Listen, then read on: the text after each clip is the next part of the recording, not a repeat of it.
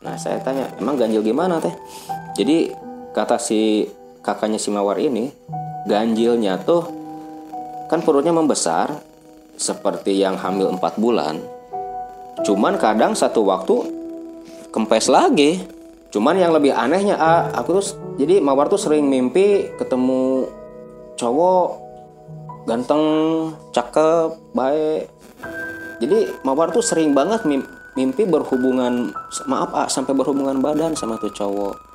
Saya tanya itu cowoknya ganti-ganti nggak di mimpi?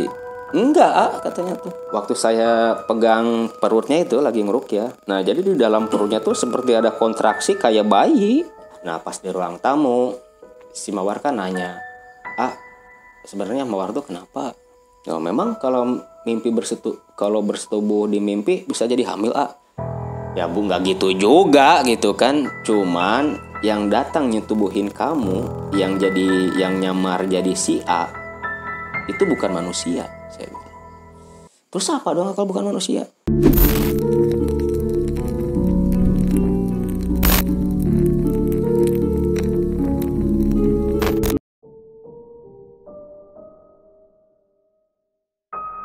Halo YouTube, kembali lagi di channel Tatar Pakuan Alam dan kali ini saya sudah bersama Kang Maman. Namun sebelum lanjut ke videonya, teman-teman silahkan kalian bisa terlebih dahulu tekan tombol like-nya dan jangan lupa kalian juga bisa tekan tombol subscribe dan nyalakan lonceng notifikasinya untuk bisa berlangganan gratis di channel Tatar Pakuan Alam ini. Nah, untuk tidak berlama-lama, mari langsung kita berbincang bersama Kang Maman. Nah, Kang, saya mau bertanya nih. Konon katanya kan uh, manusia itu diciptakan berpasang-pasangan ya antara laki-laki dengan perempuan. Nah, saya pernah mendengar nih katanya ada tuh pernikahan manusia sama jin. Apakah benar emang ada, Kang? Seperti itu. Ya, memang ada banyak kok mode apa uh, sejenis pesugihan. Pesugihan nikah sama jin itu kan. Ya sejenis ipri juga kan sama aja nikah juga kan cuman nikahnya di sini nggak pakai ijab kabul lebih cenderung ke langsung berhubungan badan kayak seks bebas gitu kan kalau ngipri. Ada sih yang uh, uh, sistem pernikahan untuk mencari kekayaan ada. Biasanya menikah dengan jin apakah mau perempuan ataupun laki-laki itu nggak ada larang nggak ada apa nggak ada sesuatu yang dikhususkan itu jadi laki-laki bisa perempuan juga bisa menikah sama jin. Nah itu biasanya yang orang-orang yang memang mencari pesugihan yang gak pakai tumbal istilahnya seperti itu. Nah, Kang dari hasil pernikahan seperti itu Kang manusia sama jin apa bisa gitu menghasilkan keturunan? Kan konon katanya ada kalau manusia e, menikah atau berhubungan badan dengan jin itu anaknya katanya nanti jadi siluman. E, simpang siur juga sebenarnya. Jadi nggak ada apa istilahnya bukti yang benar-benar konkret ya yang bisa mendukung ke apa eh, pemahaman seperti itu. Memang ada di daerah mana ya? Pernah itu udah viral juga sih dulu-dulu yang katanya titisan genderwo daerah Jawa kalau nggak salah nggak tahu Jawa Tengah atau Jawa Timur. Nah cuman dulu waktu saya masih sering apa istilahnya berkecimpung di alam goib masih sering melakukan kontak sama bangsa jin. Kebetulan dulu saya punya salah satu sahabat dari bangsa jin raja jin muslim ya. Raja jin muslim eh bukan raja jin muslim. Jadi dia tuh eh, kalau di kita ibarat ulamanya. Cuman ini bangsa jin ya ulamanya bangsa jin dan memang kalau di alam jin yang namanya ulama, tokoh intelek gitu ya, atau tokoh-tokoh agama itu kedudukannya malah lebih tinggi daripada raja. Jadi dia biasanya dijadikan penasihat di suatu kerajaan gitu. Kebetulan saya punya sahabat yang memang posisinya sebagai penasihat suatu kerajaan dan dia juga seorang ulama di alamnya jin muslim namanya Syekh Maulana Fajri dari golongan astral nah saya sempat uh, istilahnya nanya-nanya kan. Ini juga nggak jangan sampai dijadikan patokan juga sama teman-teman tatar pakuan alam. Soalnya yang namanya informasi dari bangsa jin itu perlu kita saring lagi lah. Perlu kita saring lagi jangan terlalu dipercaya 100% juga gitu kan.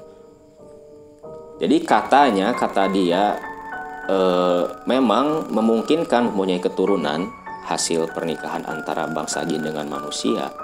Tapi perwujudannya tuh aneh.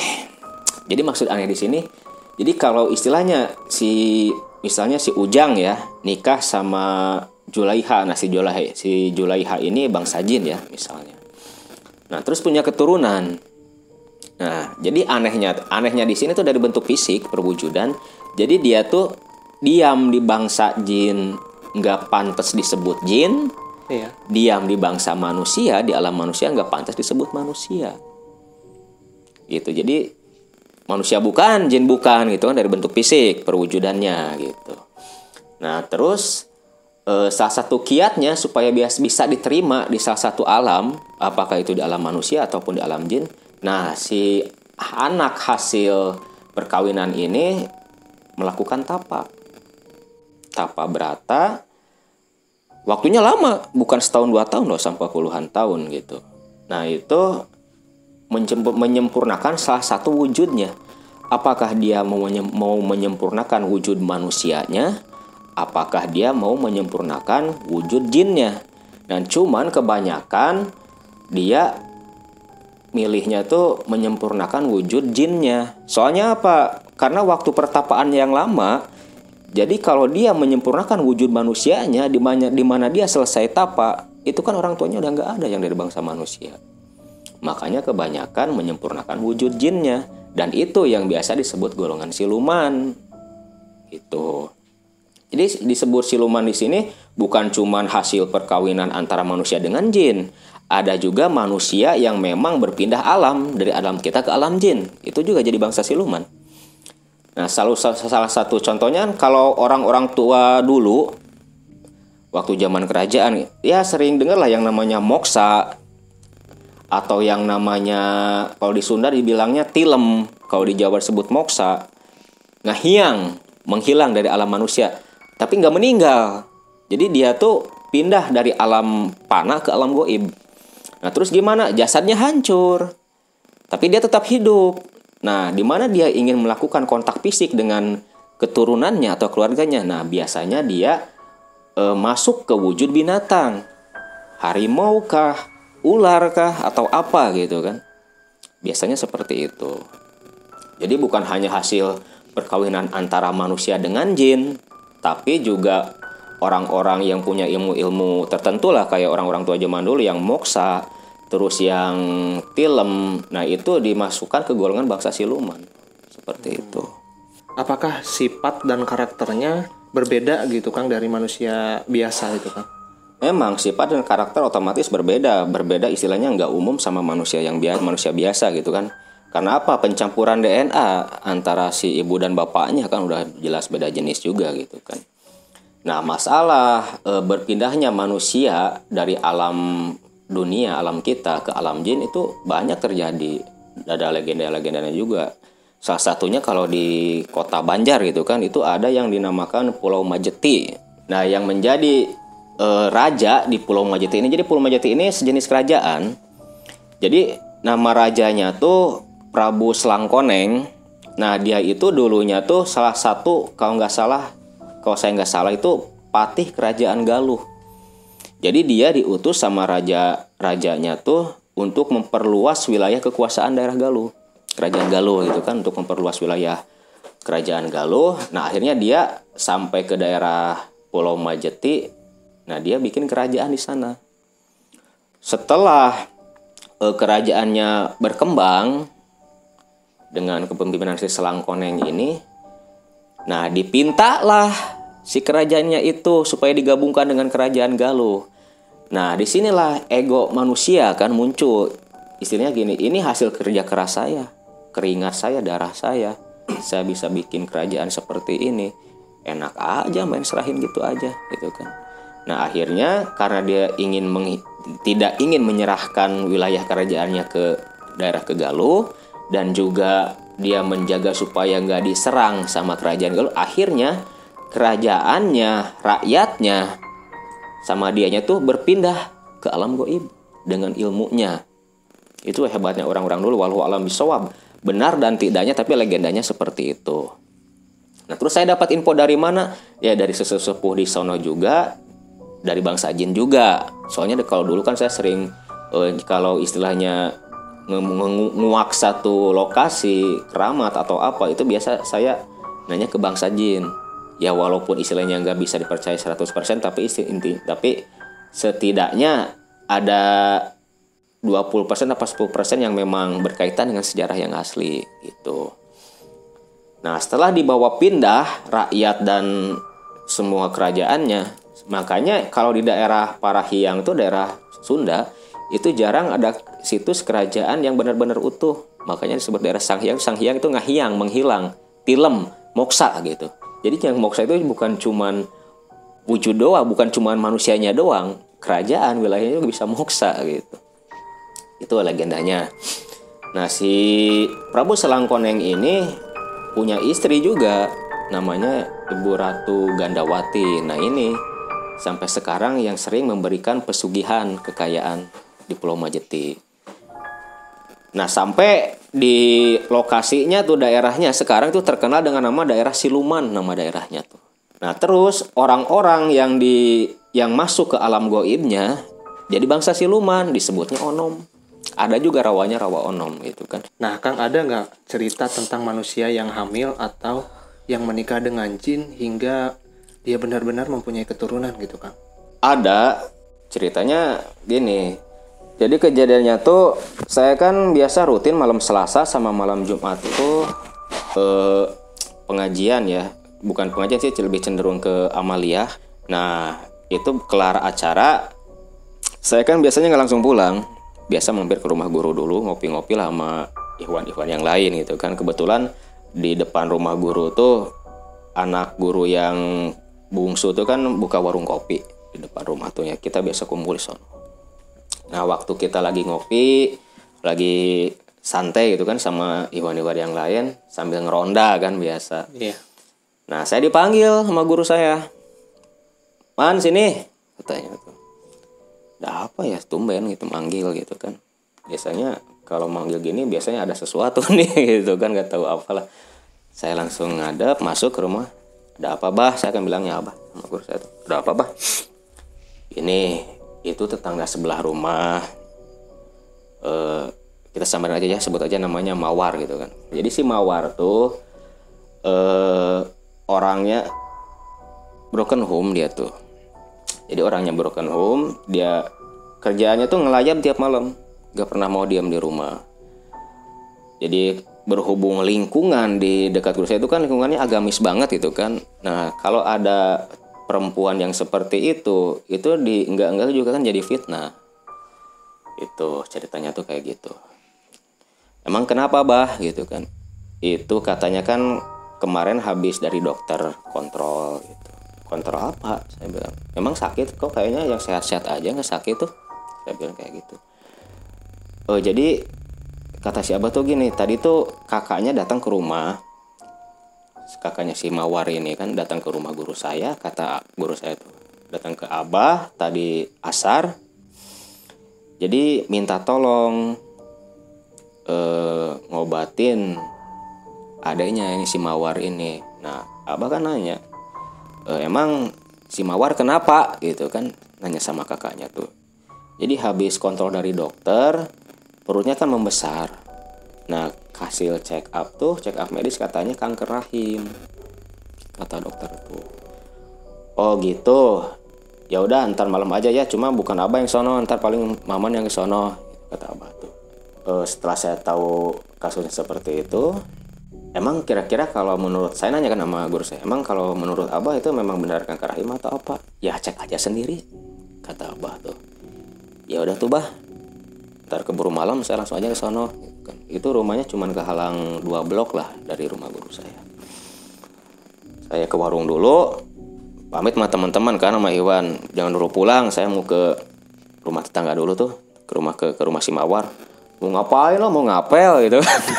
yang namanya bujangan Mawar juga kan masih gadis gitu kan mau ngapel yang enggak lah suruh ke sono silaturahim doang gitu kan berangkat deh jalan kaki deket cuma dua blok kan singkat ceritanya ketuk pintu masuk suruh duduk biasa kasih kopi segala macam itu kan.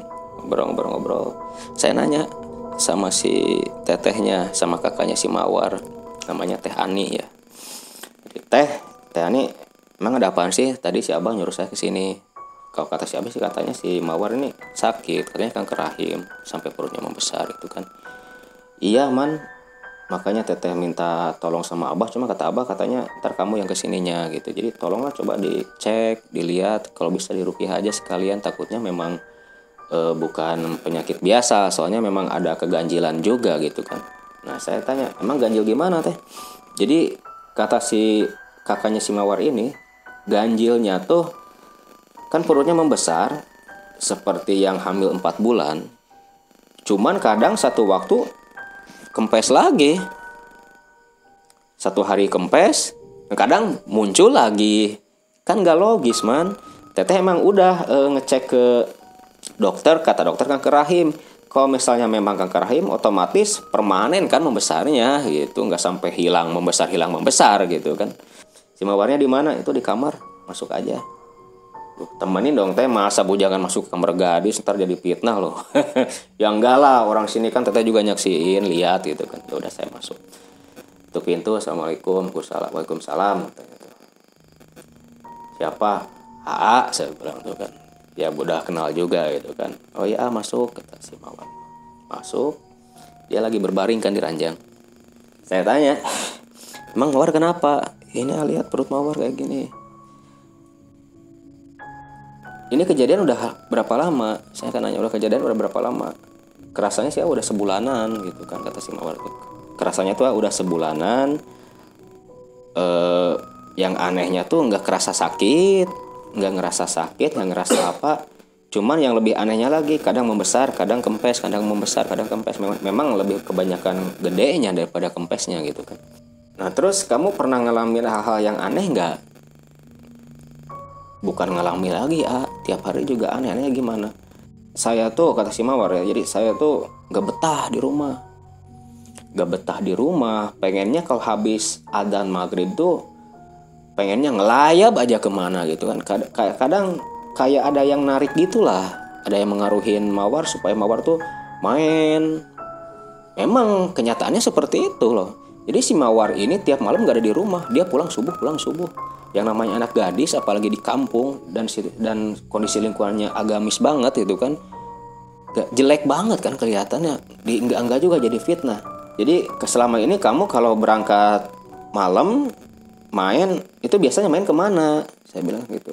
Mainnya ya biasa kak nongkrong nongkrong sama teman kerja gitu kan.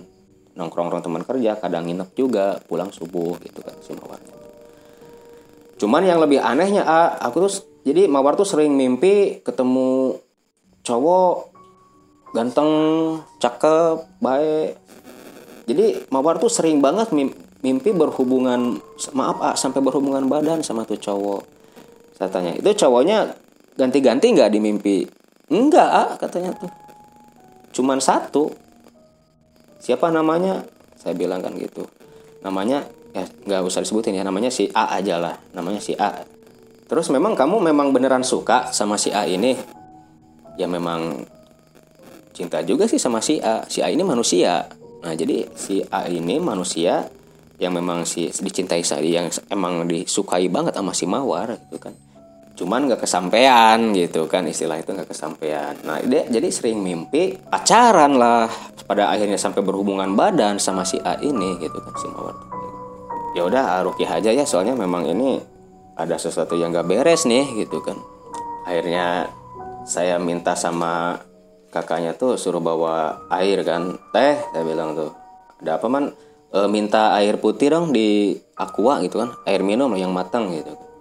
Sama ngambil air mentah di baskom kecil. Saya bilang nggak usah banyak banyak lah gitu kan. Sekitar tinggi dua buku jari lah gitu.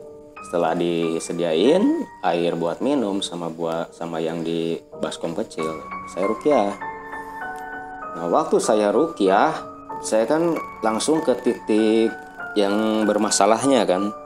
Jadi mau nggak mau saya mesti pegang perut. Nah, si Mawar ini kayak orang yang benar-benar kesakitan. Kayak orang benar-benar kesakitan, menggeliat udah kayak cacing kepanasan dah. Sampai istilahnya pengen teriak kelihatannya tuh gitu. Cuman kayaknya ditahan gitu kan dari raut raut mukanya. Kayaknya dia bener-bener nahan banget rasa sakit yang dialamin. Nah memang ada penolak ada benturan juga sama saya. Sampai saya merasa mual sampai pengen muntah gitu. Perasaan tuh pengen muntah mual pengen muntah. Waktu saya pegang perutnya itu lagi ngeruk ya. Nah jadi di dalam perutnya tuh seperti ada kontraksi kayak bayi. Di dalam perutnya tuh.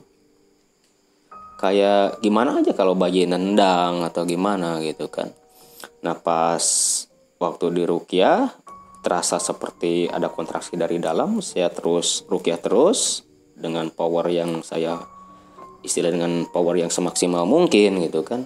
Akhirnya kempes deh si perutnya yang gede tuh. Kempes, wah saya lihat si Mawar ini udah mukanya udah keringetan banget. Kayak nahan sakit, capek juga gitu kan.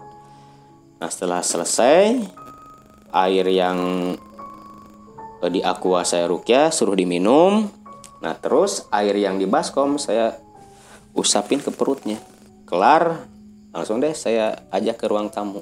Nah pas di ruang tamu si mawar kan nanya ah sebenarnya mawar tuh kenapa? Mawar tuh kenapa kok bisa sampai kayak gini sih? Tapi kamu jangan kaget jangan shock. Terima aja lapang dada gitu kan. Jadi kalau secara lahirnya kamu di kamu dihamili. Dia kaget kan? Loh emang saya dihamili? Kapan saya hubungan badan? Di mimpi.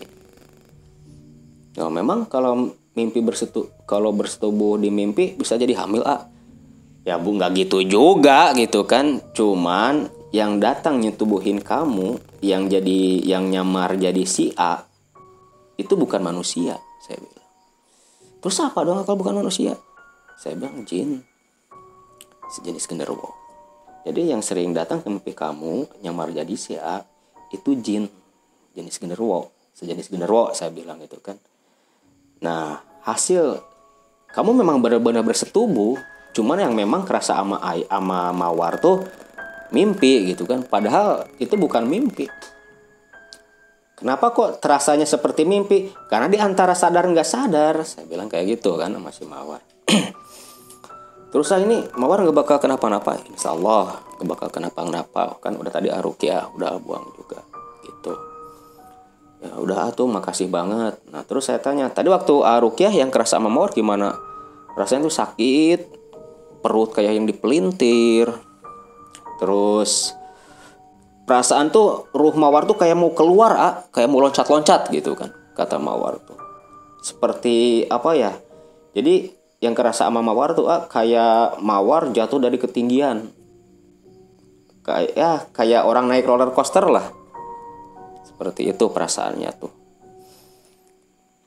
Oh gitu. Ya udahlah nggak apa-apa. Insya Allah juga besok juga normal lagi saya bilang kan kayak gitu si mawar.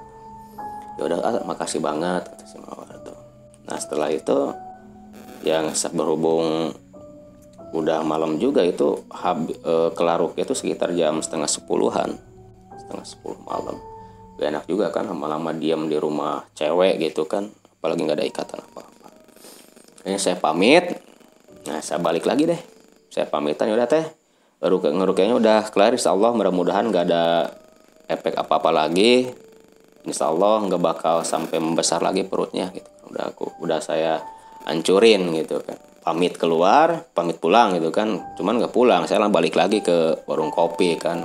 Ngopi-ngopi lagi waktu di warung kopi. Itu teman Ikhwan yang Ikhwan teman-teman yang lagi ngopi itu kan nanya habis ngapain sih man nggak habis ngomong doang gitu. Ngomong apa ngomong lo gitu kan. Ngomong doang serius? Kayak gitu. Nah selang setengah jam lagi ngobrol-ngobrol sama teman-teman lagi ngopi lagi ngerokok juga telepon bunyi HP bunyi. Yang nelfon pas saya cek oh, kok si mawar nelfon ada apa nih? Kaget juga kan saya benar-benar kaget ada apa nih? Bukannya udah kelar tadi di pikiran tuh. Saya angkat halo assalamualaikum. Saya bilang waalaikumsalam a. Bisa ke sini nggak? Emang kenapa? Kan udah kelar tadi. Pokoknya ke sini aja. Iya ke kenapa dulu? Ini a mawar keluar darah. Oh, kaget kan saya keluar darah dari mana? Gitu kan. Saya bilang gitu keluar darah dari mana? Ini ah dari bawah. Ya mikir dari oh dari bawah nggak jauh pasti dari itunya gitu kan. Akhirnya saya buru-buru juga nggak pamitan sama teman langsung buru-buru balik lagi ke rumah si mawar. Masuk nasi teh ani ini udah panik dia. Udah panik. Man ini gimana ini si mawar ini kenapa? Emang kenapa? Itu sampai ngedarah gitu. Jadi pas saya cek pakai celana loh. Pakai maksudnya pakai bukan pakai celana pakai sarung dia kan. Pakai kain sarung. Eh, lihat tuh sana. Eh, ya nggak boleh lihat dong teh. Bukan muhrim kan. Masa saya buka sarungnya kan nggak enak juga. Nggak pantas lah gitu kan. Jadi ustadz jabul. Jadi memang kata si mawar ini ah coba lihat nih sana. ya nggak bisa lihat dong. Bilang kan kayak gitu. Eh bukan gitu ah maksudnya coba lihat ini kok mawar sampai gini gitu kan. Emang kenapa? Ini ah keluar darah jadi kayak orang keguguran. Kayak orang keguguran keluar darah. Nah kalau ada teman-teman yang pernah ngalamin keguguran seperti itulah kondisi si mawar waktu itu. Keluar darah. Sakit enggak? Enggak sih enggak sakit. Cuma kayak yang lagi mens aja. Cuman ini darahnya banyak banget gitu kan kata si mawar. Cuma ini darahnya banyak banyak banget ah. Oh, bingung juga kan. Oh, ini kenapa? Saya istilahnya duduk nenangin diri kan soalnya shock benar-benar shock. Soalnya baru pertama kali lah ngalamin hal seperti itu. Yaudah tunggu dulu bentar. Ah, mikir dulu gitu kan. Duduk merokok santai relax. Setelah saya cek oh, memang ternyata hasil dari rukiah itu jadi si janinnya hancur. Si janinnya tuh hancur keluar darah seperti yang keguguran. Nah setelah saya cek saya kasih tahu deh sama semuanya. Itu kalau manusia kamu keguguran. Kalau misalnya bayi manusia berhubung itu bukan bayi jin jadi keluarnya nggak ada janin darah doang. Gitu. Jadi hancur si janinnya. Nah terus kenapa kok sampai ada kejadian-kejadian seperti itu? Ya memang yang namanya bangsa jin mereka tuh sangat-sangat ingin mempunyai keturunan dari bangsa manusia. Kenapa? Karena kemuliaannya manusia jadi di kalangan mereka di mana mereka mempunyai keturunan dari bangsa manusia itu derajat status sosialnya itu naik di bangsa mereka. Gitu. Makanya sering banyak kejadian eh, seperti itu. Dan jin juga akan punya nafsu birahi sama seperti kita. Malah 100 kali lipat dari kita kan perumpamannya seperti itu. Paginya udah kering nggak keluar darah lagi nggak kerasa sakit apa-apa. Alhamdulillah normal sampai sekarang malah sekarang udah nikah udah punya anak juga. Udah nggak kerasa lagi lah waktu habis di rukiah tuh. Dan setelah di rukiah dia jarang keluar malam. Ya mungkin memang waktu dia sering keluar malam memang ada pengaruh dari bangsa jin juga gitu kan. Juga mungkin trauma ya Kang? Iya dengan kejadian juga. seperti itu. iya. Seperti itu salah satunya. Nah, Kang, alhamdulillah cukup jelas juga ya pembahasan kita di video kali ini dari mulai tadi pernikahan bangsa jin dengan manusia, kemudian ada juga cerita dari Ang Maman gitu, pengalaman pribadi lah. Ya mungkin untuk video kali ini cukup eh, lengkap juga ya. Semoga kita bisa berbincang lagi di video selanjutnya. Nah, di video selanjutnya saya juga ingin membahas tentang pesugihan lagi nih Kang, masih penasaran. Katanya Kang Maman ya punya cerita tentang pesugihan kerak ya Kang. oh iya ada ada Nah, jadi buat teman-teman, terus saksikan channel Tatar Pakuan Alam ini, tonton videonya sampai selesai, dan jangan lupa like, komen, dan juga subscribe. Sampai bertemu di video-video channel Tatar Pakuan Alam selanjutnya.